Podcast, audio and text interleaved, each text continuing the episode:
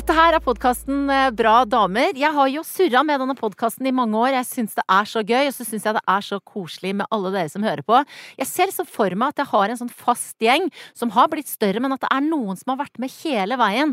Og det syns jeg er en god følelse å ha en sånn gjeng i ryggen. Eh, og fortsett gjerne også dele med vennene deres og abonnere og alle de tingene der som gir min lille podkast en stor boost da, i en verden av stadig flere podkaster, sånn at jeg kan fortsette inn ja, i evigheten kanskje, med bra damer som for eksempel ukas gjest, som er, jeg vil si, eh, det motsatte av en grå mus. Og da tenker jeg ikke nødvendigvis bare på det åpenbare at hun sitter foran meg her med knallgult hår, store gullkjeder, turkis genser og rød, nydelig leppestift, men også at hun er en dame som tør å vise seg fram med alt det det innebærer. Både sårhet, svakhet, styrke. Eh, vanskelige tema, eh, lette tema. Eh, Monica Johansen, bedre kjent som artist. Mini-O, velkommen hit. Tusen hjertelig takk. I en sånn setting som det her, er det Mini, eller er det Monica som er vanligst å kalle deg da? Nei, du kan godt kalle meg Monica da, altså. Ja, ja. Det føles liksom mer sånn tettere på deg? Ja, så er det noe med at eh, jeg har jo ikke vært ute og spilt live på flere år snart. Så eh, altså, det navnet min jo Det er jo det jeg heter på Instagram, da. Så ja. det er jo én ting. Men uh, jeg er ikke så vant til at folk tiltaler meg, det det heter, som uh, Minio, da, egentlig, ennå. Det, det, er mer sånn persona? Ja. Mm. Det er liksom ikke så mange ganger jeg er i den settingen sånn ute i livet, Nei, hvis du skjønner. jeg skjønner. Og så er det jo litt sånn at uh, før vi skulle møtes i dag, så var jeg sånn ok, men hva er det egentlig, hva skal jeg presentere, hva skal jeg trekke fram for de som nå da bare å, hvem er det igjen, Minni, å, det har jeg hørt, å ja, det er hun med det håret, ja, sånn. Uh, det er mange knagger å henge deg på.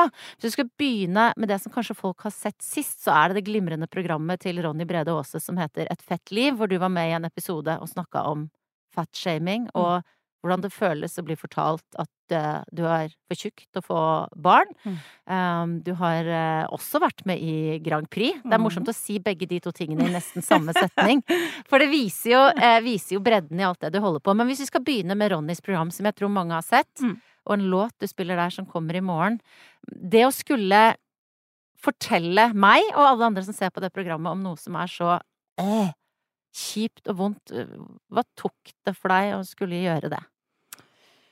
Ja, det tok faktisk eh, ganske mye, fordi jeg har snakka om det før. Jeg gjorde et intervju i KK, det begynner å bli ja, to år siden eller noe sånt, for da hadde jeg endte jo opp med å bli gravid. Mm. Uh, ja, spoiler, du har en unge. Ja. uh, og da, på det tidspunktet, hadde jeg ikke Jeg hadde vel kanskje akkurat blitt gravid. Nei, men i hvert fall, jeg om, har snakka om det før, og følte meg litt sånn uh, Og det tok også veldig mye, fordi når du har vært overvektig hele livet, i hvert fall hele voksne-livet, fra tidlig, liksom, tidlig ung, da, ja, kanskje ungdom, ehm, så er det liksom Det er noe du prøver å skjule. Selv om det er jo helt ironisk, for alle ser det jo. Altså, alle ser deg som deg når du går ut i verden.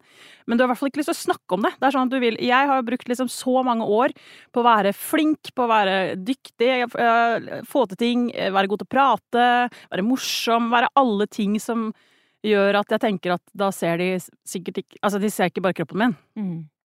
Og så er det noe med å da liksom det du har prøvd å tenke sånn Jeg håper ikke de tenker så mye på det. Og så, så, så skal vi snakke litt om det. Altså, det er noe med, eh, noe med å gjøre det, og så er det noe med å gjøre det på TV. Fordi når du da Hvis du poster en eh, post på Instagram eller noe sånt, så har jo jeg kontrollen. Det er jeg som velger de bildene jeg liker, sletter alle de jeg hater, sånn som man gjør, ikke sant? Um, mens her er det liksom den hele og fulle sannheten fra alle vinkler, og ja, det vet jo du som er på TV, ikke sant? Det, og jeg er ikke vant til det. Um, og som sagt så hadde jeg snakka om det før, og jeg, jeg, var sånn åh, jeg er ikke noe keen på at liksom folk skal kjenne meg som Tjukke-Monica, liksom. Jeg vil mm. at de skal vite at jeg er artist, jeg vil at de skal vite alle de tingene jeg er god på. Uh, samtidig så er det sånn at jeg har fått så utrolig mye såre fortellinger fra hele landet, liksom mange hundre.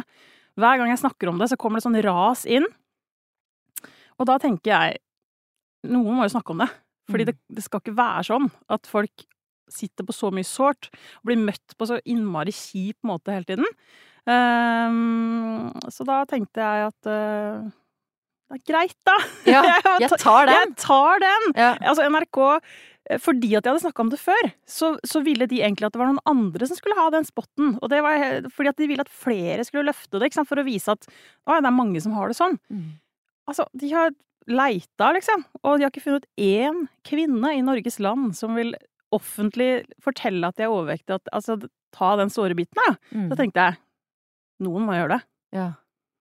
Og det er jo det som eh, kommer fram både i din prat og ditt møte med helsevesenet, og også i resten av programmet til Ronny, er jo det som jeg syns er så kjipt. Og jeg tenker, gud, skjer dette oppi hjernen min også? Er den hvor negativt vi tenker om overvektige folk? At vi har Mm. blitt stadig mer aksepterende overfor alt annet! Mm. Men at folk som veier mer enn det som opprinnelig er normalen, Mm. eh, nei, da tenker vi at de er litt late og litt svake og litt sånn Vi kanskje liksom artikulerer kanskje ikke tanken helt sånn, men de ligger der, Mm. sant? Um, er det litt sånn Ja ja, det har jo jeg visst hele tiden, eller, eller er dette overraskende for deg også, når du hører sånne historier? Nei, ikke i det hele tatt. Altså, jeg har gått inn i butikker og fått beskjed Når jeg går inn, så har jeg fått beskjed om eh, Du, vi, du kommer ikke til å finne noe her. Og når du er 20 år og går inn i en butikk, eh, og, bare, og, er i en fase av livet hvor du prøver å finne ut av hvem du er, du prøver å eh, være sterk og kul og liksom Ja, være en bra person og føle seg fin, ikke minst. Altså, når du når du er overvektig, så jobber du hele tida med å akseptere det du har. For det må man, ikke sant? Eh, og når du møter den type greier da, så det setter deg jo så sykt langt tilbake i tid. Altså, det, det, det gjør noe med selvbildet ditt i mange måneder, liksom. Mm. For veldig mange. Det, jeg tror ikke så mange klarer å riste av seg sånne ting.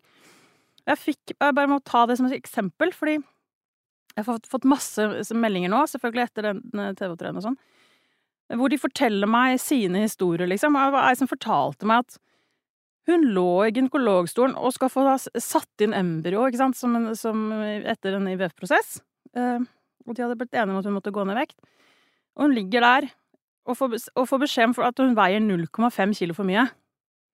Og, og det blir kommentert, og så blir det sagt sånn Det hjelper ikke å bare sulte seg siste tida vet du, og tenke at det skal gå greit. Og da ligger du der og skal få innsett av et embryo som du drømmer om at skal bli til et barn. Altså det er sånn Kødder du med meg, liksom? Mm.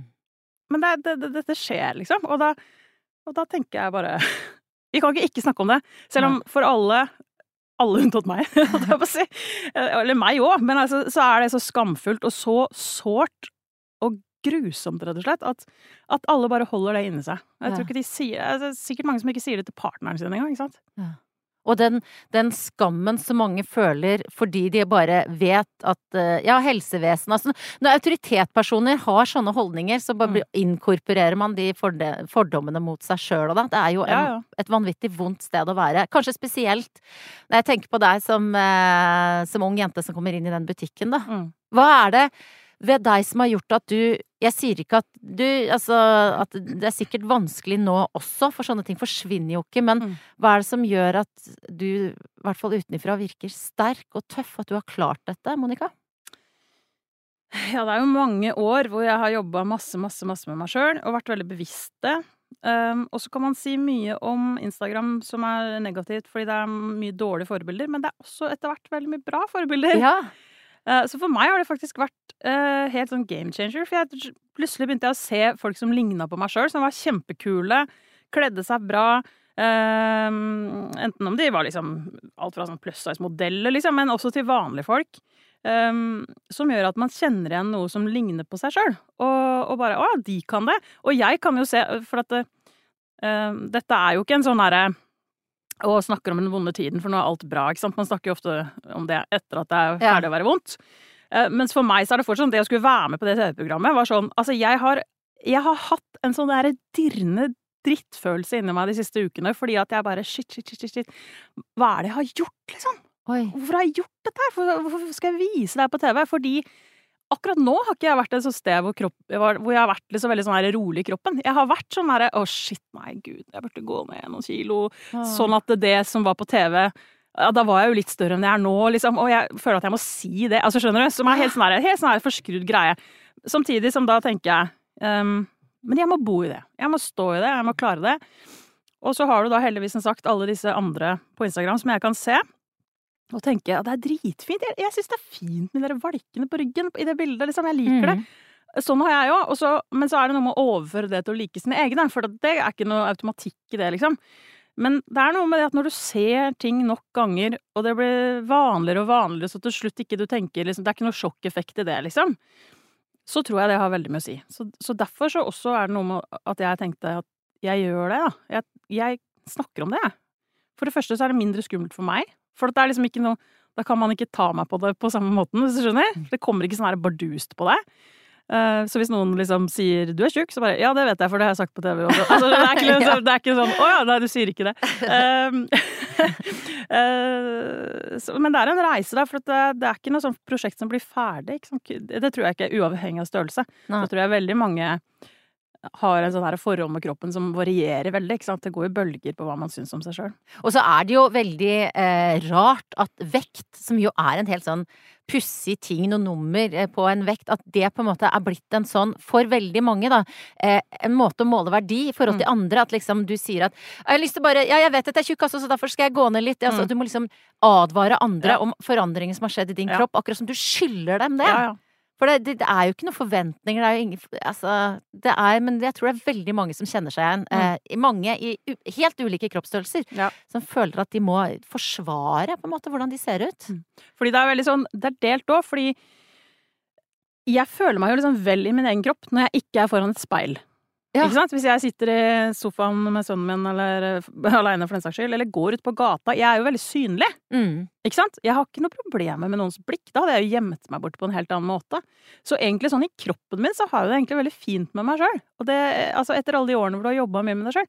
Så derfor så er det også litt sånn derre var det litt sånn rart at jeg kjente på de følelsene at jeg skulle grue meg så fryktelig til dette TV-programmet. Mm. Um, men det er som sagt, det er noe med den kontrollen, og det er noe med Selvfølgelig, det er jo trøkk, hva det er for noe. Det er nesten én million mennesker som har sett det programmet, ikke sant. Så det, det blir jo noe annet, og det handler om kropp. Ja. Så det er klart, jeg, jeg bare De kommer bare til å se på kroppen min, liksom, så bare Men ja ja, Altså, de ser den uansett. Om jeg, går, jeg, når jeg gikk hit fra bussen, liksom. Altså, skjønner du? Ja, jeg skjønner. Det er noe med å prøve å tenke sånn herre Jeg får ikke gjort noe med det. Med mindre jeg skal da leve hele livet på diett eller et eller annet sånt, liksom. Men så lenge jeg har det greit med meg sjøl, um, så må jeg bare tenke at det er sånn jeg ser ut. Mm. Det er bare sånn det er. Og jeg syns jo du ser glimrende ut, og jeg tenker for assosiasjoner til en av de, en av de tidligste bra damerintervjuene jeg gjorde, det var med Bertine Zetlitz, og ja. hun beskriver da hun var uh, ung jente, så uh, passa ikke hun inn, som vi ofte kan, alle kan kjenne oss igjen i, altså hun var ikke en av de pene jentene med langt, lyst hår, mm. og var litt sånn usikker på hvem skal jeg være, og da beskriver hun at hun så forsida av Vogue eller noe sånt hjemme hos mammaen sin, og så en eller annen som hadde, hva var det, grønne briller, kort hår og, og regulering eller noe sånt, og hun tenkte Wow, hun kan jeg bli! Ja, og så gikk hun og fikk klippa håret sitt kort, og liksom fant sin, eh, sin, form. Og da har hun på en måte blitt litt også fritatt, for hun har vært en litt sånn eh, edgy, annerledes på sida av det der tradisjonelle skjønnhetsidealet, og det har gitt henne litt Sånn jeg husker samtalen vår, da. Litt sånn frihet. Ja. Og jeg tenker der du sitter med ditt sånn fantastiske gule hår, og liksom du har bare en sånn veldig, veldig kul og gjennomført stil. Det er jo en utrolig styrke i deg, da. Ja, altså jeg har funnet min vei, og så opplever jeg Og det er liksom godt, fordi folk er stort sett ganske greie. Ja, det er jo ikke heldigvis. det at Ja, ikke sant? Det er jo ikke det at folk eh, slenger masse kommentarer, stygge kommentarer til meg. Det gjør ikke det. Så det er jo min redsel. Fordi at jeg selvfølgelig har opplevd det i løpet av livet, men jeg har opplevd det veldig eh, færre ganger enn jeg har opplevd masse komplimenter. Og masse mm. sånn 'Å, gud, det er så kult', 'Å, det er så fint', 'Å, det, Ikke sant? Som er sånn Så det er det som er boosten. Det er den du må holde på, liksom. Fordi mm. folk kan liksom nettopp spørre meg 'Å, du er så modig, hvordan tør du det?' Nei, fordi folk er jo stort sett ganske greie. Det er ikke noe det er gøy for meg å gå ut med gult hår og en farget genser, fordi folk sier 'herregud, så mors'. Altså, jeg blir i godt humør. Så bare mm. ja, kult, liksom. Ja. Så uh, hele den boosten med å tørre ting jeg får mye spørsmål om det på Instagram. Hvordan jeg skulle ønske jeg torde å bruke mer farger og sånn. ikke sant? Det er sånn klassisk som går igjen. Ja, hva er det du er redd for? Er jo da du må stille deg det spørsmålet. Men hvorfor gjør du det ikke? Uh, og da er det kanskje andres blikk eller kommentarer eller noe sånt. Og da kan jeg berolige med og si at uh, de aller fleste folk er ganske kule. Og de er så kule at de til og med gir komplimenter. Ja, for jeg husker eh, Altså, det må jo ha vært Kan det ha vært fem? Altså, jeg har et bilde, i hvert fall, på enten So What eller Garasje her i Oslo. Husker ikke hva det het da. Bylarm for altså, hva tror du, kanskje 15 år siden. Da var du Miss Harmonica Ja. eh, og eh, spilte, som jeg husker det, aleine Ja. på en av de liksom, første klubbkveldene på Bylarm. Og, og det husker jeg likte deg veldig godt, likte musikken, og tenkte liksom «Ah, hun var kul, hun må jeg følge med på.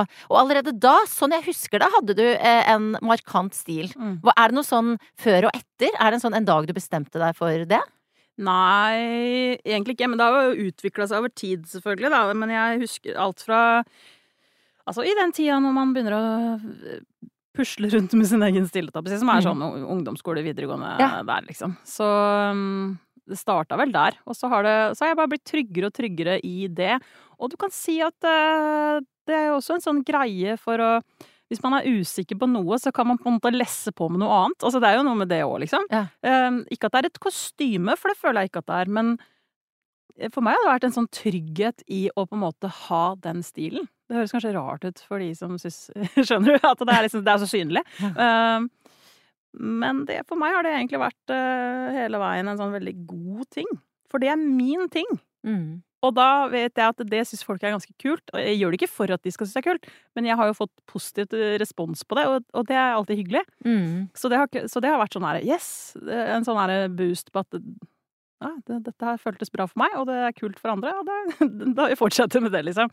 Så nei, men egentlig hele veien helt fra videregående, og så har jo jeg drevet vintagebutikk, og jeg har liksom alltid Ja. hatt eh, en veldig sånn sans for den litt sånn her outrerte moten, da. Ja. kan man jo si. Ja, ja, ja. Og særlig på scenen og sånn, ikke sant, så har jeg liksom alltid hatt veldig mye ting som lyser i mørket, og paljetter og glitrestoffer og altså you name it. Det var noen skulderputer involvert i Grand Prix-opptredenen, var det ikke Ja, det? det var jo det. ja, Noen fantastisk. nydelige lagd av Linn Jordal som er noen spektakulære, eh, glitrende, svære piggskuldre, var det Ja. faktisk. ja, det var det det var, ja. Ja, det var. Og nå, nå har vi jo da eh, snakket mye om deg selv som hva skal jeg si, samfunnsdebattant, da. Eh, men som eh, jeg nevnte i forbifarten innledningsvis, du er jo artist og har vært med i Grand Prix og har en lang artistkarriere bak deg. Så har du vært opptatt med ja, blant annet da å få barn, eh, og så har det vært lang tid siden du har laget musikk. Og det er jo da interessant at når du da liksom smeller til igjen, så er det på en måte sånn Jeg skal ikke si stormannsgalskap, for det høres negativt ut. Men igjen, da, er, jeg har lyst til å trekke fram motet ditt, for da lager du da The Salvation, som er ikke bare musikk, det er også roman, som kommer ut kapittel etter kapittel, og musikkvideo etter musikkvideo, som også har vært vist som en kinofilm, som du har på en måte liksom ikke gjort det spesielt enkelt for deg selv, da. Når du, og i tillegg så er det da en selvopplevd historie som jeg ikke har tenkt å gjenfortelle her, men, men som handler Som er tett på ditt liv, da. Som handler om eh, å forlate noe trygt, gå inn i noe ukjent, eh, være redd, være forelska, være Ja, alt, egentlig. Um, hva var det som gjorde at du på en måte turte å kaste deg inn i et sånn derre megaprosjekt? Nei, altså Det starta jo med, sånn som alt jeg gjør, øh, i hvert fall sånn kreativt, eller med musikk, da, så er det er veldig sånn selvterapeutisk, egentlig. Mm. Og så hadde jeg jo den øh, historien Eller jeg skrev de låtene mens det skjedde. Og så var det en sånn nødvendighet, egentlig, for å øh, Hva heter det? Rense opp i hodet, eller noe sånt. Ehm, men så følte jeg liksom at uh, Både så følte jeg at det skjedde så mye i den historien som, som var liksom sånn her Herregud, det, må, det, det her må fortelles på en eller annen måte, liksom. Mm. Og så få meg selv til å gå videre for å legge det bak meg, fordi jeg måtte skjønne hva som hadde skjedd. For at jeg skjønte ikke hva som hadde skjedd med meg, liksom. Fordi det endte jo med, uten at jeg skal si alt som skjer, men det endte jo med at hele livet mitt gikk i grus. Mm. Ikke sant? Jeg fikk liksom alt sparka under beina på meg, og, og, eller fikk, jeg var jo delaktig i det. Ehm, og så jeg, jeg mange år altså, for å liksom stable meg på beina og skjønne hva som hadde skjedd. Og så begynte da jobben med dette prosjektet. Så kunne jeg jo gitt ut en plate, og så var det ferdig. Men så følte jeg at det, det er så mye mm, Man får plass til veldig mye i en sangtekst, men det var så mye detaljer i den historien som, jeg, som var verdt å fortelle, Ja. kjente jeg. Og da begynte jeg først Jeg har alltid vært veldig visuell, ikke sant, som vi snakka om i stad. Um, og så begynte jeg å få en idé Jeg hadde masse ideer, egentlig. Jeg hadde sånn idé om en fotoutstilling hvor eh, ti fotografer skulle få uh, tolke ti, alle ti låtene. Jeg hadde masse sånne ville ideer. Alltid sånn. Det er veldig typisk meg. Uh, og så spissa det seg inn til um, uh, For det, det endte jo med at den plata er kronologisk, og det er litt viktig, ikke sant? Så du følger jo historien fra låt én til låt ti. Mm. Og der har du et nydelig utgangspunkt for å gjøre masse gøy. Og da fikk jeg med Pål Laukle, en fantastisk fotograf, eh, og kona Trude Moklebust Laukle, eh, til å være med på dette ville prosjektet mitt. Mm. Så de lagde da de her ti videoene. Fikk med Herbert Nordrum, fantastisk skuespiller, Veronica Andersson, Altså, jeg drømte om de her om natta, fordi at jeg er så langt inn i den verden. Så våkna jeg opp og så drømte jeg om han Herbert. Men nok om det! ja, nei, så de spiller på en måte hovedrollene, så man følger historien der. Nei, så, så, men poenget er at jeg, jeg Jeg vet ikke hvor jeg er skrudd sammen sånn, da. At det eh, Både så vil jeg Eller det er litt todelt. Jeg ville vise verden, da. Jeg hadde ikke gitt ut noe på sju år. Jeg var med i Grand Prix i 2012, jeg ga ut en singel i 2013. Og, og det var også litt sånn derre ja, men jeg er jo ikke en liksom typisk Grand Prix-artist heller. Og, og når jeg følte sånn, at jeg skal gi ut noe nå, så skal jeg Jeg ville jo vise at jeg var god. Jeg ville Mm. vise at jeg er flink og bra. Jeg, så jeg, det er kjempeviktig for meg. Så det var både det at jeg skulle liksom bevise, siden jeg har vært lenge borte òg, så følte jeg at jeg måtte nesten sånn her eh, vise at jeg har jo jobba med noe veldig bra. Da skal, Ja. skal jeg virkelig klasje til der. Eh, men også selvfølgelig den kreative hjernen min som eh, tenkte at den historien, hvordan kan jeg gjøre det sånn som ingen har gjort det før? Ja. Og det er noe med å være indie-artist òg. Du Mm. vet at du er nødt til å stikke det ut. Jeg har, hatt, jeg har aldri hatt et apparat i ryggen. Noen gang. Jeg har prøvd. Alle sier nei. Det er ingen, ingen som vil jobbe med meg. Er det sant? Ja. Nei, men altså, du, jeg fikk sikkert 15-20 nei i den prosessen i Salvation. Det var ingen som ville ha det, liksom. Ingen ville jobbe med det. Jøss. Uh, I verken plateselskaper eller booking eller management. Ingen, liksom. Men hva, hvordan holder du da motivasjonen og selvtilliten oppe når folk sier nei, nei, nei, nei? nei? uh, nei, den går jo i bølger, da. Uh, jeg kunne jo jeg, jeg kunne lagt meg ned grått og gitt opp, og det, men det gjør jeg, ikke sant. Jeg gjør det. Mm. Men så kjenner jeg at jeg kan ikke ligge her. Det er liksom ikke noe vits. Og da må du opp og krype deg opp fra den dalen igjen, liksom. Og, og, du, og gjennom den prosessen så har jeg gjort det x antall ganger. Eller fra når ting blir avlyst, når du, når du har nesten ikke budsjett, så havner du selvfølgelig bakerst i køen. Da, da må alle andre ta andre jobber og sånn. Selvfølgelig. Men det er jo dritkjipt, for jeg har jo, jeg har jo den visjonen og tenker sånn det kommer aldri til å bli ferdig. Altså jeg, altså jeg har vært masse deppa. Jeg har vært så utrolig deprimert i den prosessen. Derfor så var jeg så sjukt stolt når det var ferdig. Ja. Eh, Men ikke sant, så skulle jeg skrive den romanen i tillegg, fordi en ting er å gi ja, liksom, ti låter, ti musikkvideoer.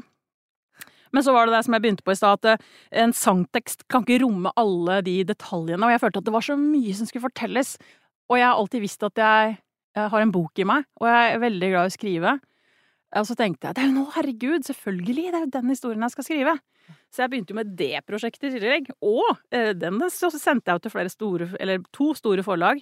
Av de største fikk jo selvfølgelig avslag på det. Altså skjønner du, Der var det også bare masse avslag. Jeg har, fått, jeg har fått null kroner i støtte. Altså det er sånn, Alt var sånn Er det her egentlig et liv laga-prosjekt? Er er det dritdårlig, liksom? Altså Det er ingen som vil gjøre noe med det. Men samtidig, inni meg, så bare er ikke dritdårlig! Gud, så bra at du har holdt fast på det. Det er jo helt Ja. fantastisk. Ja. Og så kan man jo skyte inn historien, bare for å gjøre det litt mer juicy, at du da nettopp hadde fått dette barnet som du har jobbet hardt og lengta lenge etter å Mm. få, eh, som det også handler om i Ronnys program. Du hadde fødselsdepresjon, Mm. eh, sønnen din var ganske ung, dette skulle Altså, du har søren ikke gjort det lett for deg sjøl, da. Nei, jeg har ikke det. Men jeg tenker jo, det er som med alle ting, det passer jo aldri å gjøre noe. Sant. Og det med å Jeg slapp jo The Salvation Da var Alvin, eh, sønnen min, mm, seks-sju måneder eller noe sånt. Så når han var tre måneder, så visste jeg at nå må jeg begynne å jobbe. Jeg masse. Jeg, hadde, jeg, jeg måtte skrive om romanen. Altså, jeg hadde dritmye. Vi hadde ikke klippa ferdig musikkvideoen. Altså, det var masse, var så masse som sto og venta. Og det var også Det var kanskje litt av eh, det som liksom kicka inn den fødselsdepresjonen, da. For én en ting er å få et barn tre uker før en pandemi starter, og ingen kunne holde han, og ikke noe avlastning, og inni en leilighet på 50 kvadrat med to innekatter. Eh, ikke gjør det. Ingen må gjøre det. Nei, men altså, ikke sant. Og så hadde jeg det prosjektet hengende over meg. Så kan man jo si sånn, jeg kunne ikke utsatt og sånn. Men da hadde jeg liksom slepa på det i sju år. Mm. Eh, både historien jeg var jo et helt annet sted i livet. Jeg hadde eh, en kjæreste vært sammen i mange år, jeg hadde blitt mamma. Jeg var keen på å få den historien ut av livet, og så hadde jeg jo allerede, før jeg fødte, så hadde jeg jo begynt å Uh, snakke med liksom noen samarbeidspartnere og hvordan vi skulle få klippa de her filmene. Så jeg eh, både måtte gjøre det ferdig, og for min egen mentale helse bare komme i mål. Ikke sant? Men det, fy søren, det var heftig, altså. Jeg hadde panikkanfall, og det var helt ko-ko der.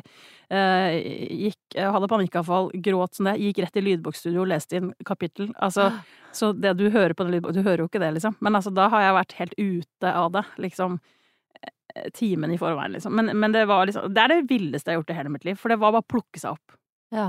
Og så er det jo også en historie som er veldig intens, da. Så ikke for å Mm. glorifisere, men kan det ha vært en fordel at det har dirra inni deg mens du har Ja. eh, laga den? Det, det, det kan det godt være, rett og slett. Altså, jeg har liksom hatt de følelsene utapå kroppen. Mm. Um, men det er jo det beste jeg har gjort sånn. Jeg tror jeg har vært en som har løpt ganske mye i livet vekk fra vonde ting. Eller jeg vet at jeg har, har vært det. Jeg har vært veldig, konflikt, veldig konfliktsky tidligere i livet. Uh, og liksom aldri Du vet når folk snakker om sorg, så er det noe med å liksom bearbeide sorgen. Sånn, ja, hvordan gjør man egentlig det? Ikke sant? Det er vanskelig. Uh, uh, så kan du få hjelp til det av en psykolog og sånn. Det har jeg gjort òg. Men jeg er liksom Det er første gangen jeg skjønner hva folk mener når de sier sånn 'Jeg har jobba meg gjennom det'. Det er helt ferdig. Det er ingenting igjen som er vondt. Det det er null igjen. Det er ikke sånn, det er ikke vondt, og det er ingenting som minner meg på det som er sånn 'Å, du vet sånn og der kom den', liksom. Mm. Uh, med akkurat den historien. Fordi har jo, den har jeg virkelig jobba meg så sinnssykt gjennom at, uh, at jeg bare Å, det er sånn det er. Å ja, det er sånn det går an, liksom. Så alle dere som har det litt vanskelig, det er bare å skrive en roman, lage et album, lage ti musikkvideoer, Nå jobber dere dere gjennom det. Som Minio. Men du vet hva jeg gjorde? Altså, jeg er jo litt sånn flau over det, fordi at det, det viser liksom Hva skal jeg si? Jeg kan jo si at det viser journalisten i meg, men det er jo også sladrekjerringa, at dette her er jo based on a true story, sant? Mm. Og så bruker du jo liksom eh, eh, navn i den eh, historien, som alle bør sjekke ut på Minio sin nettside. Og da ble jeg sånn Da begynte jeg å google prøve å finne ut hvordan ser han ut. Gabriel! Hva, hva jobber du med? Arkitekt sånn. Så ble jeg litt sånn, og så slår det meg at du kanskje har forandret navnene, men dette er jo ekte personer. Mm. Eh, for å dra en knausgård, hvordan har på en måte de involverte i historien din reagert på prosjektet du har hatt? Eh, Jeg har ikke Vet du hva? Jeg var jo veldig opptatt av å anonymisere det der, og jeg har gått mange runder. Jeg har snakka med folk som liksom driver med personvern, og liksom Det har vært viktig for meg, da. Mm. Samtidig som det der er jo en Og jeg har lest alt, alle intervjuer av Vigdis Hjorth. Altså, skjønner Ja, du? Altså, sånn, ja, ja. Fordi Ja, men fordi det Fra spøk til alvor. Fordi man skal ta det på alvor, da. Og det, man skal respektere det, og det var viktig for meg. Og selvfølgelig har jeg ikke brukt de rette navnene, og jeg tror ikke det skal være mulig å skjønne hvem det er i det hele tatt. Nei. Bortsett fra liksom mine venner, men det selvfølgelig. Og det har ikke vært målet heller. Eller det har, vært, det har vært viktig at det ikke Det er ikke noe viktig. Altså, det som er viktig eh, med den historien for meg, er å forstå hva var det som skjedde med meg? Hva var det jeg gjorde? For jeg har jo gått inn og, og granska alle de flaue tingene jeg gjorde. Vi snakker om å lese mine egne eh, fyllameldinger eh, klokka fire på natta. Åh, Når ja, det altså- vil man jo ikke. Nei, du vil jo ikke det. Men jeg måtte jo det for å liksom klare å skrive det ordentlig. Mm. Og jeg måtte Det er derfor jeg mener at jeg er så gjennomarbeidet. Jeg er så ferdig med det. Fordi jeg har da granska alle mine reaksjoner. Fordi ja, det er en kjip historie, og det er masse kjipt som skjer eh, for meg, på en måte, i den historien. Men det er jo aldri sånn at uh, man bare står på sidelinja og så gjør alle noe mot deg. Du er jo en deltaker i det som skjer, og det er det som var interessant for meg uh, i den prosessen. Og hva var det jeg gjorde? Og det håper jeg også skinner gjennom i teksten. Jeg har tenkt veldig mye på det når jeg skriver. At jeg liksom prøver å underbygge uh, de dårlige valgene jeg tar. Skjønner du hva jeg mener? Eller, sånn, eller den usikkerheten som gjør at jeg blir i den situasjonen. Mm. Ikke sant? Når jeg gikk til en psykolog i etterkant, så sa jo hun Og det var veldig, det var veldig sunt for meg å høre. For det er ikke noe sånn derre det er synd på deg sånn. Det kan jo være det på mange måter. Men hun sa liksom Det er jo veldig mange andre damer som hadde gått Altså, de hadde tatt beina og stikket for lengst. Mm. For dette her varer jo mange år, ikke sant? Det gjorde jo ikke du. Ikke sant? Så bare nei, det gjorde jo faktisk ikke jeg. Og hvorfor gjorde jeg ikke det? Og det er det som er interessant, og det er derfor jeg kjenner at den biten har jeg jobba så mye med i huet mitt. Mm. Og jeg tror at det er det som folk kjenner seg litt igjen i, fordi når jeg slapp Salvation, så øh, Det var jo helt vilt, den tilbakemeldinga jeg fikk. Og det var veldig kult og ikke sant. Vi slapp det jo over fem uker. Det er jo apropos stormannsgalskap. En ting er å lage hele prosjektet, men å tenke sånn eh, Jeg gjorde det sammen med sesong én. Dritflinke folk. Så vi lagde liksom litt sånn, litt sånn strategi på å slippe og sånn, da. Uh, og da var det sånn, ok skal vi holde på folks oppmerksomhet i fem uker? Det er jo helt vilt, det er jo vilt å gjøre det. I hvert fall som Jeg, jeg har ikke noe etablert navn eller noe sånt. Jeg er jo en undergrunnsartist, mm. ikke sant. Um, får vi noen til å følge med i det hele tatt, liksom? Eller, eller bare dropper alle av første uka fordi det skjer 10 000 ting med Netflix, liksom. Men de som Det var så kult, og det er jeg veldig stolt over. For det betyr at det prosjektet er bra. Fordi at de som eh, blei med inn i det universet, de ble der. Og de ble der i fem uker. Ja. Det er liksom til å være Vi hadde ikke noe riksmedia som dekka det, og vi hadde 9000 mennesker som var med i fem uker. Og det er jeg dritstolt av. Ja, det er liksom. helt utrolig. Også det at folk eh, kjenner seg igjen, det er jo på en måte det beviser jo det der som høres paradoksalt ut, at jo tettere du går på ditt eget liv når ja. du skriver, enten det er musikk eller bøker eller sånn, da, jo lettere er det for andre, jo mer allmenngyldig blir det på et eller annet vis. Det er lettere å kjenne seg igjen. Og jo ærligere du er. Ja. Og du tar med alt det som er at du kan ikke polere det, ikke sant. Du må ta med alt det stygge òg. Du må ta med alt det nedrige, liksom. Og det er det jeg prøvde Altså, det er det jeg virkelig prøvde å gjøre. Uh, og det var en helt rå prosess å jobbe, da. Å skrive den romandelen. Eh, jeg elska det, liksom. Ja. Altså, det var helt rått. Men én ting er også å gjøre dette i når man jeg håper å si, jobber, da. Dette er jo profesjonen din. Men det der å være den derre ærlige, ekte, råe, vise også de rufsete sidene og sånn. Eh, hvor god er du på det i ditt eget liv, altså på privaten? Ikke alltid like god. Nei. Nei. Det er vanskelig? Det er veldig vanskelig. Og det er jo en sånn Det syns jeg er kjempeinteressant. For jeg kan være sånn som eh, eh, men det, Eller det har jeg måttet lære meg, men det handler om hvor man kommer fra, familien sin, hvordan oppvekst man har, eller sånn. Hvordan det var i klimaet hjemme. Altså, mm. det har jo alt å si, ikke sant tillegg er jeg jo lærer, så jeg mm. driver jo også og lærer bort de tingene, hvor utrolig viktig det er å prate og fortelle hva det er og sånn. Uh, og det føler jeg at jeg er veldig god på, og så kan jeg komme hjem, og så uh, Jeg er blitt bedre, da. Men, uh, men, at jeg før, altså når jeg var yngre, så kunne jeg bare holde alt inni meg, liksom. Litt sånn passiv-aggressiv. Ja. Veldig lite konstruktivt. Uh, og det gjorde jeg i den historien apropos Salvation. Det er jo det jeg gjør. Jeg sier jo aldri tydelig fra hei, eller de gangene jeg gjør det, så får jeg liksom wow, så sykt mye motstand at jeg bare å, jeg trekker meg bare tilbake inn i skallet her. det er noe med å uh, lære seg det å, liksom stå opp for seg sjøl. Det har ikke jeg alltid vært veldig god på. Og jeg Det er jo litt sånn paradoksalt og rart, fordi um, en stor del av meg er jo på en måte Viser jo sårbarhet. Det er jo liksom det jeg gjør mye. Jeg gjør med det i det mm. TV-programmet og sånn. Uh, samtidig som jeg er også Det høres kanskje rart ut, for det er sånn folk kjenner meg nå. Men jeg er på en måte også veldig redd for å være sårbar. Jeg er ikke den som griner på gata. Nei. Jeg er ikke den i vennegjengen som er sånn 'Å, nå er Kibben griner på skuldra di'. Altså, ikke No way, liksom. Da bare går jeg litt sånn i frys. Ja. Men det er derfor jeg tenker For meg er liksom Det er jo et livsprosjekt, sånn som alle har i livet sitt. Så tenker jeg det må jeg bli bedre på. Mm. Og nå har jeg liksom kommet inn i en sånn greie som Mm, som er bra for meg. Det er bra for meg å tørre å være litt sårbar, og vise det. Uh, for det er ironisk at det er kanskje lettere å gjøre det, da, uh, i en låt, og kanskje til og med et TV-program, mm. enn det er å si det til venninna si. Mm. Det er jo et eller annet uh, pussig med det, men, uh, men, det er jo noe mange Ikke det at alle kan kjenne seg igjen i å være med i et TV-program, men at det derre Det helt nære er ofte mm. liksom eh, ko-ko vanskelig, altså. Men det er jo derfor man ofte folk skriver dagbok, da, eller gjør Altså det er noe med å formidle det Enten ved å skrive det, uh, si det til noen, men kanskje ikke face to face, for det kan Nei. være vanskelig, liksom. Eller, eh, eller, det kan kanskje være lettere å si det til noen du ikke kjenner så godt, ikke sant? Enn ja. en de som du kjenner veldig, som er veldig nære. Det har jeg opplevd. Ja. At uh, venninner som kanskje i utgangspunktet ikke er så nære, plutselig ja.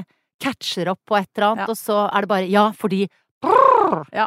Og i hele denne prosessen, altså der jeg var i livet, hvis du tenker sånn den historien i Salvation, da, så det, i de åra der, liksom 2012 til 2014-15, liksom så var jeg veldig mye ute. Uh, føler at jeg har et ganske stort nettverk. Men jeg var jo sykt mye ute på byen, ikke sant. Og mm. bare avreagerte og bare ja, holdt Drakk på. deg mye full. Drakk meg ekstremt mye full. Lå med folk, var grenseløs. Mm. Eh, Kosa meg veldig. Hadde det veldig gøy. Eh, og catcha opp med syke mennesker, fordi at man eh, selvfølgelig ute på byen så kan de der nære samtalene plutselig bare skje, ikke sant, med folk du Mm. ikke kjenner så godt, men som har blitt vennskap seinere, som er veldig fint. Men de aller næreste venninnene mine, de som jeg hadde hatt hele med meg, gjengen min liksom hele livet, de delte jeg ikke så mye med, og, og det har jeg tenkt masse på. Hvorfor er det sånn? Og det er for at de eh, Da blir jeg så svak, ikke sant? For de kjenner meg så sykt godt at da bare da går hele den derre Det er ikke noe coolness der, liksom. Eller sånn derre eh, 'Å, du er så kul'. Det er ikke noe sånn. De vet meg. De har sett meg på alle fronter av livet, liksom. Og i Mm. alle Altså lykkelig og trist og alt mulig.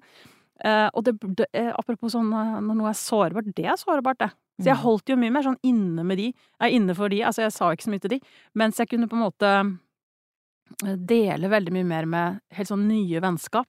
Og det er ikke noe i veien med det. Det er jo egentlig en veldig fin ting, men det er verdt å reflektere over, fordi eh, Å ja, så jeg er så sårbar, liksom. At det, for det blir så nakent. Ja, For de kan bare si noen få ting, og så er jeg liksom Og så faller Jeg sammen som en geléklump, liksom. ja, ja. Um, nei, så hele prosjektet har vært eh, Det har vært å bli kjent med seg sjøl, egentlig. Mm. Og da er jo spørsmålet eh, hva som er det neste. Eller nå vet vi hva som er neste. Altså når vi eh, spiller inn dette, så skal du i morgen da gi ut den låta som mange hørte på eh, Ronny sitt eh, program. Som igjen da er åpen og Mm. ærlig og sårbar, for den Mm. handler om å ønske seg barn, Mm. og ikke få til å få det. Eh, Homesick, den kommer i morgen. Hva er prosjektet liksom utover det for artisten Minnie O? Eh, skal du slappe av litt nå, eller? At du bare så at jeg, jeg tenkte, husker at jeg tenkte Hvis jeg klarer å, å komme i mål med The Salvation For at det, det var så mange ganger i de åra jeg tenkte at det, det får jeg sikkert ikke til. Fordi det, den jobben er så svær. Men jeg tenkte, husker jeg tenkte, hvis jeg gjør det, så jeg trenger aldri gi ut noe mer musikk, liksom. Altså helt seriøst. Og jeg følte at jeg mente det. Altså Mm. sånn Bare jeg klarer det her, så er det greit. Det er bra, liksom. Jeg har ingen ambisjoner utover det. Jeg skal bare komme meg i mål. Um, og så gikk det, gikk det et halvt år. Men det var jo egentlig det at NRK ringte meg. At jeg fikk liksom det lille sparket bak til å liksom Så hadde jeg den lille skissa. Jeg bare Kanskje jeg kan gjøre det? Ja, det, ikke sant? Dette er jo perfekt. Mm. Mm, Og så kjenner jeg jo at det, den tilbakemeldinga på Salvation var jo helt vill. Altså, jeg har, fått, jeg har fått så mange, mange hundre meldinger, og folk forteller jo sitt eget liv tilbake. Altså, jeg, jeg kan så mange livshistorier jeg, til folk at du aner ikke. Ja. Om brudd og barnefordeling og sånn. Som de bare 'Sorry, jeg kjenner egentlig ikke deg, men jeg, jeg må bare si' ikke sant? Og det er helt nydelig! Og da kjente jeg sånn Det der elsker jeg å være i.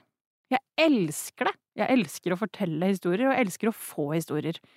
Um, så nå så tenker jeg sånn Jeg har masse, eller masse, men jeg har en del låter som på en måte er uh, ganske sånn klare. Så nå er jeg jo egentlig en sånn state of mind. Um, nå kan jeg jo Dette er jo ikke offentlig ennå, men uh, altså, jeg har sagt opp jobben min. Altså streit, Jeg streitjobben har din sagt opp som lærerjobben min. Ja. Oi, var det vanskelig? Ja. For jeg tipper at du er en veldig dedikert og god lærer. Jeg er en ekstremt dedikert lærer. Jeg er en idealist, vil jeg si. Ja. ja. og eh, jeg skal ikke begynne å prate om lærerjobben nå, for da kan vi sitte her i tre timer til. og hvorfor jeg slutta og sånn. Eh, men, eh, men poenget eh, er at jeg vet ikke hva jeg skal gjøre engang. Altså, jeg, jeg har ikke noen ny jobb engang. Det er det, det er det villeste jeg har gjort. Oi. Ja, det er sånn fordi jeg bare Hva er det jeg driver med nå, liksom? Altså, du vet at når mamma og pappa hører på det her nå, hvis de gjør det, da får de panikk. Vi har ikke sagt det til Å dem. nei, ok. Det kommer til å gå bra, Ja mamma og pappa. Eh, ja, ja, ja. Nei da. Men altså um, Og det handler om at noen ganger i livet så må man bare gutse.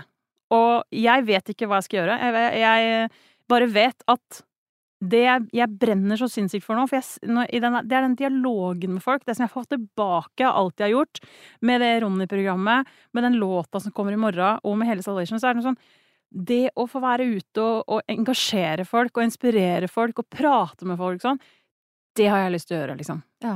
Det er sånn, Nå har jeg vært lærer i 15 år, og det er helt nydelig. Eh, Men akkurat, og kan godt hende jeg blir det igjen, liksom. Men akkurat nå så Men jeg vet ikke hvordan, og jeg vet ikke hvilken form. Jeg tror jeg trenger en manager eller noe noen til å hjelpe Så meg. hvis noen Nei, nei. hører dette og har en god idé Men du er jo godt i gang, da, for du har jo altså din kanal altså på Instagram, så har du jo da veldig mye kommunikasjon der eh, med dine følgere. Veldig. Eh, og både av lett og tungt, da, en sånn fantastisk ikke sant, De sterkeste tingene du har lagt, opp, eh, lagt ut om eh, kropp og eh, følelser rundt det og sånn. Mm. Og også som, som jeg blir utrolig fascinert av, er eh, å følge oppussingen av huset som du nå har flytta inn i. Ja. Som er like crazy, og da mener jeg crazy i ordets rene positive forstand, Ja. eh, som stilen din. Det er altså så mange sterke farger og trykk og ja, så Gå dit for inspirasjon, uansett om du er sånn kjedelig skandinavisk som meg, eller om du er like modig som Monica. For det. Så er ikke det et sted å begynne, da? Eh, På Instagram? Jo, altså jeg må bare prøve å samle alle disse trådene mine på en eller annen måte, og så, så må man jo leve av det, da. Jeg, Ja. Du vet, hus og bil og barn og barnehagen og alt det der. Nei da, så jeg er, liksom litt, jeg er litt på jobbjakt, men eh, det føles jo som det jeg, jeg tenker jeg, folk, folk gjør jo det, slutter jobben sin hele tida. Altså, folk gjør jo det hele tida. Ja, ja, og du kan jo alltids bli det. Er veldig kjedelig ting å si, du kan alltids bli lærer igjen, men det er jo ikke sånn Ja, at du har liksom nei, nei. brent alle bruer. Absolutt ikke. Har du en mann med trygg jobb? Nei. Nei. Han er lydtekniker. Ja, nettopp, ja. So you are living on the edge. Ja, This is true. ja, ja. Men eh, det kommer til å gå bra. Ja, altså Det må jo bare gå bra. Altså, som med alle ting i livet. Hvis man aldri skal øh, prøve noe nytt, da, eller liksom tørre å gjøre noe som har risiko, Mm. Eh, da, da tror jeg livet blir fryktelig grått. Ja. Eller sikkert ikke for alle, det skal jeg ikke si, faktisk.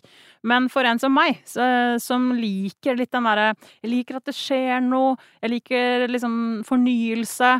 Uh, samtidig som jeg er veldig glad i det trygge for, for all del, liksom. Men uh, jeg er nok ikke en person som kunne liksom hatt den samme jobben hele livet og liksom Du vet, alt, alt er på det jevne hele tida. Mm. Nei, det kjenner jeg meg igjen i. Ja, jeg trenger de der Jeg trenger de kicka, og jeg trenger å føle at jeg liksom lever eh, på en annen Det er litt sånn Jeg, jeg har sagt opp jobben før, lærerjobben, ikke sant, og da åpna jeg vintagebutikk, så jeg liksom føler at jeg er på samme sted. Det er en sånn syklus, nesten, liksom. ja. Så, men det er jo dritkult. Hvor veien går videre, aner jeg ikke. Vi følger med. Du, jeg ba deg om å ta med en dings eller en gjenstand eller et eller annet som kan si noe om Ja. uh, hvem du er. Da må jeg bort til veska mi. Ja, bort til veska og dra opp noe. Da, da ser jeg selvfølgelig for meg at det er en blinkende diskokule, for eksempel. At det er, er Treffer jeg? Nei, det er en Ah, det er en blinkende diskokule av en notatbok, mine venner, som Monica har tatt med seg. Det står- Livet, står det på den. I diamanter. Oi, oi, oi. Fortell meg om denne boka. Ja, oi. Altså akkurat uh, denne boka står det ikke så mye, for den er ganske ny. Ja. Men uh, jeg føler at den forteller veldig mye om hvem jeg er. Ja. Uh, fordi at mye av det jeg gjør Da fotograferer jeg samtidig her. er Ja. nydelig. Mye av det jeg gjør, er jo basert på måte på mitt eget liv. Jeg elsker å skrive. elsker å fortelle. Og har et stort behov i livet mitt for å eh, rydde opp i hodet. Jeg, Ja. jeg er sånn som uh, hvis jeg er frustrert eller vi har krangla i forhold og sånn, ikke sant, så må jeg skrive alt. For meg selv. Ja. Egentlig på, på telefonen min eller hvor som helst. Så, og det handler om uh, Jeg må bare skjønne hvorfor jeg er sint. Skjønner du? Ellers så blir det bare sånn kaos i hodet. Så, det, det, så bare det å skrive i seg selv for meg har alltid vært viktig. Alltid skrevet dagbok da jeg var yngre og sånn. Og så skriver jeg masse lister. Uh, altså, du skulle sett når jeg holdt på med Salvation, liksom. Altså, det å skulle holde i hele prosjektet aleine, da. det var jo da typ boka, liksom. Mm. Uh, og alt var der. Alle planer, alle alt. Jeg er liksom vel Skriver, skriver, skriver. Og så er den jo da Den er jo sånn hologram i regnbue Ja, ja, ja. Uh, farget, denne boka. Mm. Som jo selvfølgelig Jeg er jo glad i å pynte meg. Mm. Glad i farger. Glad i ting som blinker og skinner litt ekstra. Um, så jeg føler at den representerer egentlig meg veldig godt. Eh, Så skrivinga er litt sånn i eh, selvransakelsens navn, da? Ja. Mm. og det gjennomsyrer jo egentlig alt jeg gjør. Det der med å Nesten det der med dagboka. Hvis du Mm. tenker liksom Ronny-programmet, du tenker Salvation, så er det jo alltid Det er ikke det at jeg utleverer alt med meg selv, for det gjør jeg ikke. For det går jo en grense liksom på hva jeg har lyst til å dele og sånn. Ja, hvor eh, går den? Eh, du, den er egentlig ganske tydelig for meg. Du finner for eksempel ingenting på Instagram-postene mine som handler om forholdet mitt. Nei. Ikke sant? Fordi at det handler om en annen person. Så han har ikke bedt om det. Altså, jeg kan godt skrive et eller annet hyggelig, liksom, sånn, men jeg skriver aldri Kunne ikke falt meg inn engang. Og skrevet om ting som var vanskelig eller sånn mellom oss, hvis det var noe som hadde skjedd, eller sånn. Aldri. Det kommer aldri til å skje. Mm. Um, så jeg er veldig tydelig på hvor grensa går. Jeg skriver det kun hvis jeg tenker at noen andre kan ha nytte av det. De tingene jeg åpner opp om. Det er helt uinteressant for meg å sitte og pøse ut om grusomme ting i livet mitt, bare for å gjøre det, liksom. Uh, og det tror jeg er læreren i meg, ikke Ja. sant? Ja, men her, er, her kommer læreren i meg inn, så det, det er læreren i meg som er den på Instagram. Uh, uh, det med å føle at eh, Å, nå gjorde jeg noe godt for noen andre, ikke sant? Eller sånn derre Det jeg står og sier nå, eh, det er bra for deg, det, det, det gjør noe for deg, på en måte. Mm. Og det er jo det man gjør som lærer. Man gjør, fordi det er jo ikke liksom å undervise om Columbus som er å være lærer. Ikke Nei. for meg, i hvert fall. Nei. Det er å avdekke har alle dere det foran her Har dere det bra, liksom? Er det Mm. noe som skjer i livet ditt som jeg burde snappe opp? Da må vi snakke om, snakke om det, sånn at det kanskje kommer noe tilbake, ikke sant? Og når du sier det, så er jeg lei meg for at du ikke er, fortsatt er lærer. Ja. Men det finnes forhåpentligvis eh, mange lærere som er like gode som deg. Men det er godt å høre Det er det som er viktig, altså. Ja, Og det er jo det som er viktig når man er forelder også, da, som du nå er eh, Hvor gammel er Alvin? Er han et Han år, er 15 måneder snart. Ja, så du er liksom et drøyt år inn i mammaskapet. Mm. Eh, er det de samme greiene som gjelder der, som, som lærer? Ja, vet du hva, det syns jeg. jeg. Og jeg har gleda meg så til det. Du vet, når jeg har drømt om å få barn og sånn, så er det noe med å finne sin egen tilhørighet, sin egen flokk. Det har vært kjempeviktig for meg. Men også det derre Det som jeg elsker med å være lærer, det er jo å hjelpe disse små ungene til å stå som støtt i seg sjøl. Ja. Ikke sant? Det, er- det er det beste jeg kan tenke meg. Og det å få lov å det det er jo en gave. Tenk å få lov til å være med han hele veien. Eh, og vise han eh, hvordan han skal bli trygg. Fall- Forhåpentligvis så klarer jeg å putte inn noe godt der, liksom. Det å stå trygt i livet. Altså, det, jeg tror jeg tenker at det, det beste den her, Dommen kom jo om, om mange år, men jeg tenker at hvis man har vært en god forelder, så har man også et godt forhold til ungene sine når man er voksen. Ja. Og det tenker jeg at det er dommen, på en måte, som kommer Ja. en vakker dag. Mm. ikke sant? Hvis man har et veldig dårlig, kaldt forhold, så har det skjedd et eller annet, et eller annet sted på veien. Mhm. Så, men det å den derre gaven å få lov å være med eh, Og liksom gjøre han robust til å takle all dritt da, som kommer i livet, for det gjør det for alle. Ja. Alle nederlag. Hvordan skal du reise deg fra det? Og det handler jo om hva slags menneske man blir. Jeg tror det handler om hva slags empatisk menneske man blir. Og, og, og det, det er helt rått, da. Ja, tenk at Ja. jeg får lov til det. Nei, altså det er jo en gave. Ja, det er det. Eh, virkelig. Og det, det, akkurat den gaven kjenner vel du ekstra på når du har liksom eh, jobba Det har vært et sånt sterkt ønske hos deg Mm. så lenge. Kjempa for det er, noe, det er noe veldig sterkt i det å eh, kjempe for å velge eh, at man skal bli foreldre. Altså å, å virkelig kjempe for det, og ta det valget. For, fordi det er jo ikke bare sånn at ja, nå velger vi det, og så bare tar vi og kjører på noe IVF, og så Altså, det er ikke sånn. Du må jo legge om livet ditt. Det er masse du må endre på for å få det til, og for oss privat. Det koster masse penger. Altså, vi hadde ikke det. Hadde ikke det på et tidspunkt. Altså, det er mange store greier, og når du faktisk gjør det, du velger alle de tingene, det tenker jeg at det er, det er sterkt i seg selv. Og når du da går, så er vi jo, det er jo fryktelig heldig. Jeg, jeg har så respekt for alle de som går mange runder på IVF, og, Ja, og da ikke altså. får det til. Altså, det mm, Jeg sender varme ut til alle som står i det der. Ja, det gjør vi virkelig, og jeg kjenner på en veldig sånn ydmykhet og nesten Ikke at jeg skammer meg, men det er nesten litt sånn flaut at noen blir jo da sånn gravid nesten uten å måtte gjøre noe. Så da skal man bare vite at eh, sånn skal er det ikke for skal i hvert fall bare være jeg syns ikke du skal være flau, men du skal, være, du skal være takknemlig for Ja. at kroppen din bare, bare Ja. På det, det punktet, i hvert fall, eh, Ja. fungerer helt Så er det noe annet da, sikkert, Ja, som eh, Jeg har noen vonde knær og noe ja, greier, så jeg har alle har noe greier. Men det får være greit. Du Monica, du har jo hørt på podkasten, så du vet gjerne at jeg pleier å avslutte med tre kjappe, overflatiske, noen syns teite spørsmål. Jeg elsker i hvert fall noen av de. Hva spiste du til frokost i dag? En smoothie med mango, appelsin og banan. Why am I not surprised? Også der har vi det fargerike. Fargerik eh, drikke til en fargerik kvinne, som da har allerede beskrevet looken din, antrekket ditt. Um, eh, hvor lang tid brukte du på å finne ut hva du skulle ha på deg i dag? Eh, Da brukte jeg ett minutt. Ja. Jeg skulle jo levere i barnehagen og litt sånt også før jeg dro. Så ja. det var bare Og jeg så den genseren, så tenkte jeg den er gøy, den tar vi i dag. Og så kommer resten bare liksom. Kaste Ja. på. For det er gjennomført, eh, virker det som, men det er på en måte Det blir det gjerne hos deg.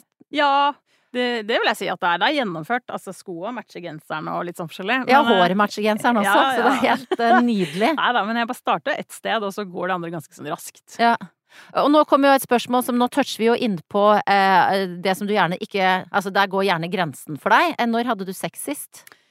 Eh, ja, vet du hva, det har jo ikke blitt så altfor mye at jeg fikk barn. Men tro det eller ei, forrige uke. Ja, Ja. For det er jo en annen, en annen verden det der, både fysisk når man Ja. har født et barn, så er det ikke så fristende, og så er det tid og søvn og Ja.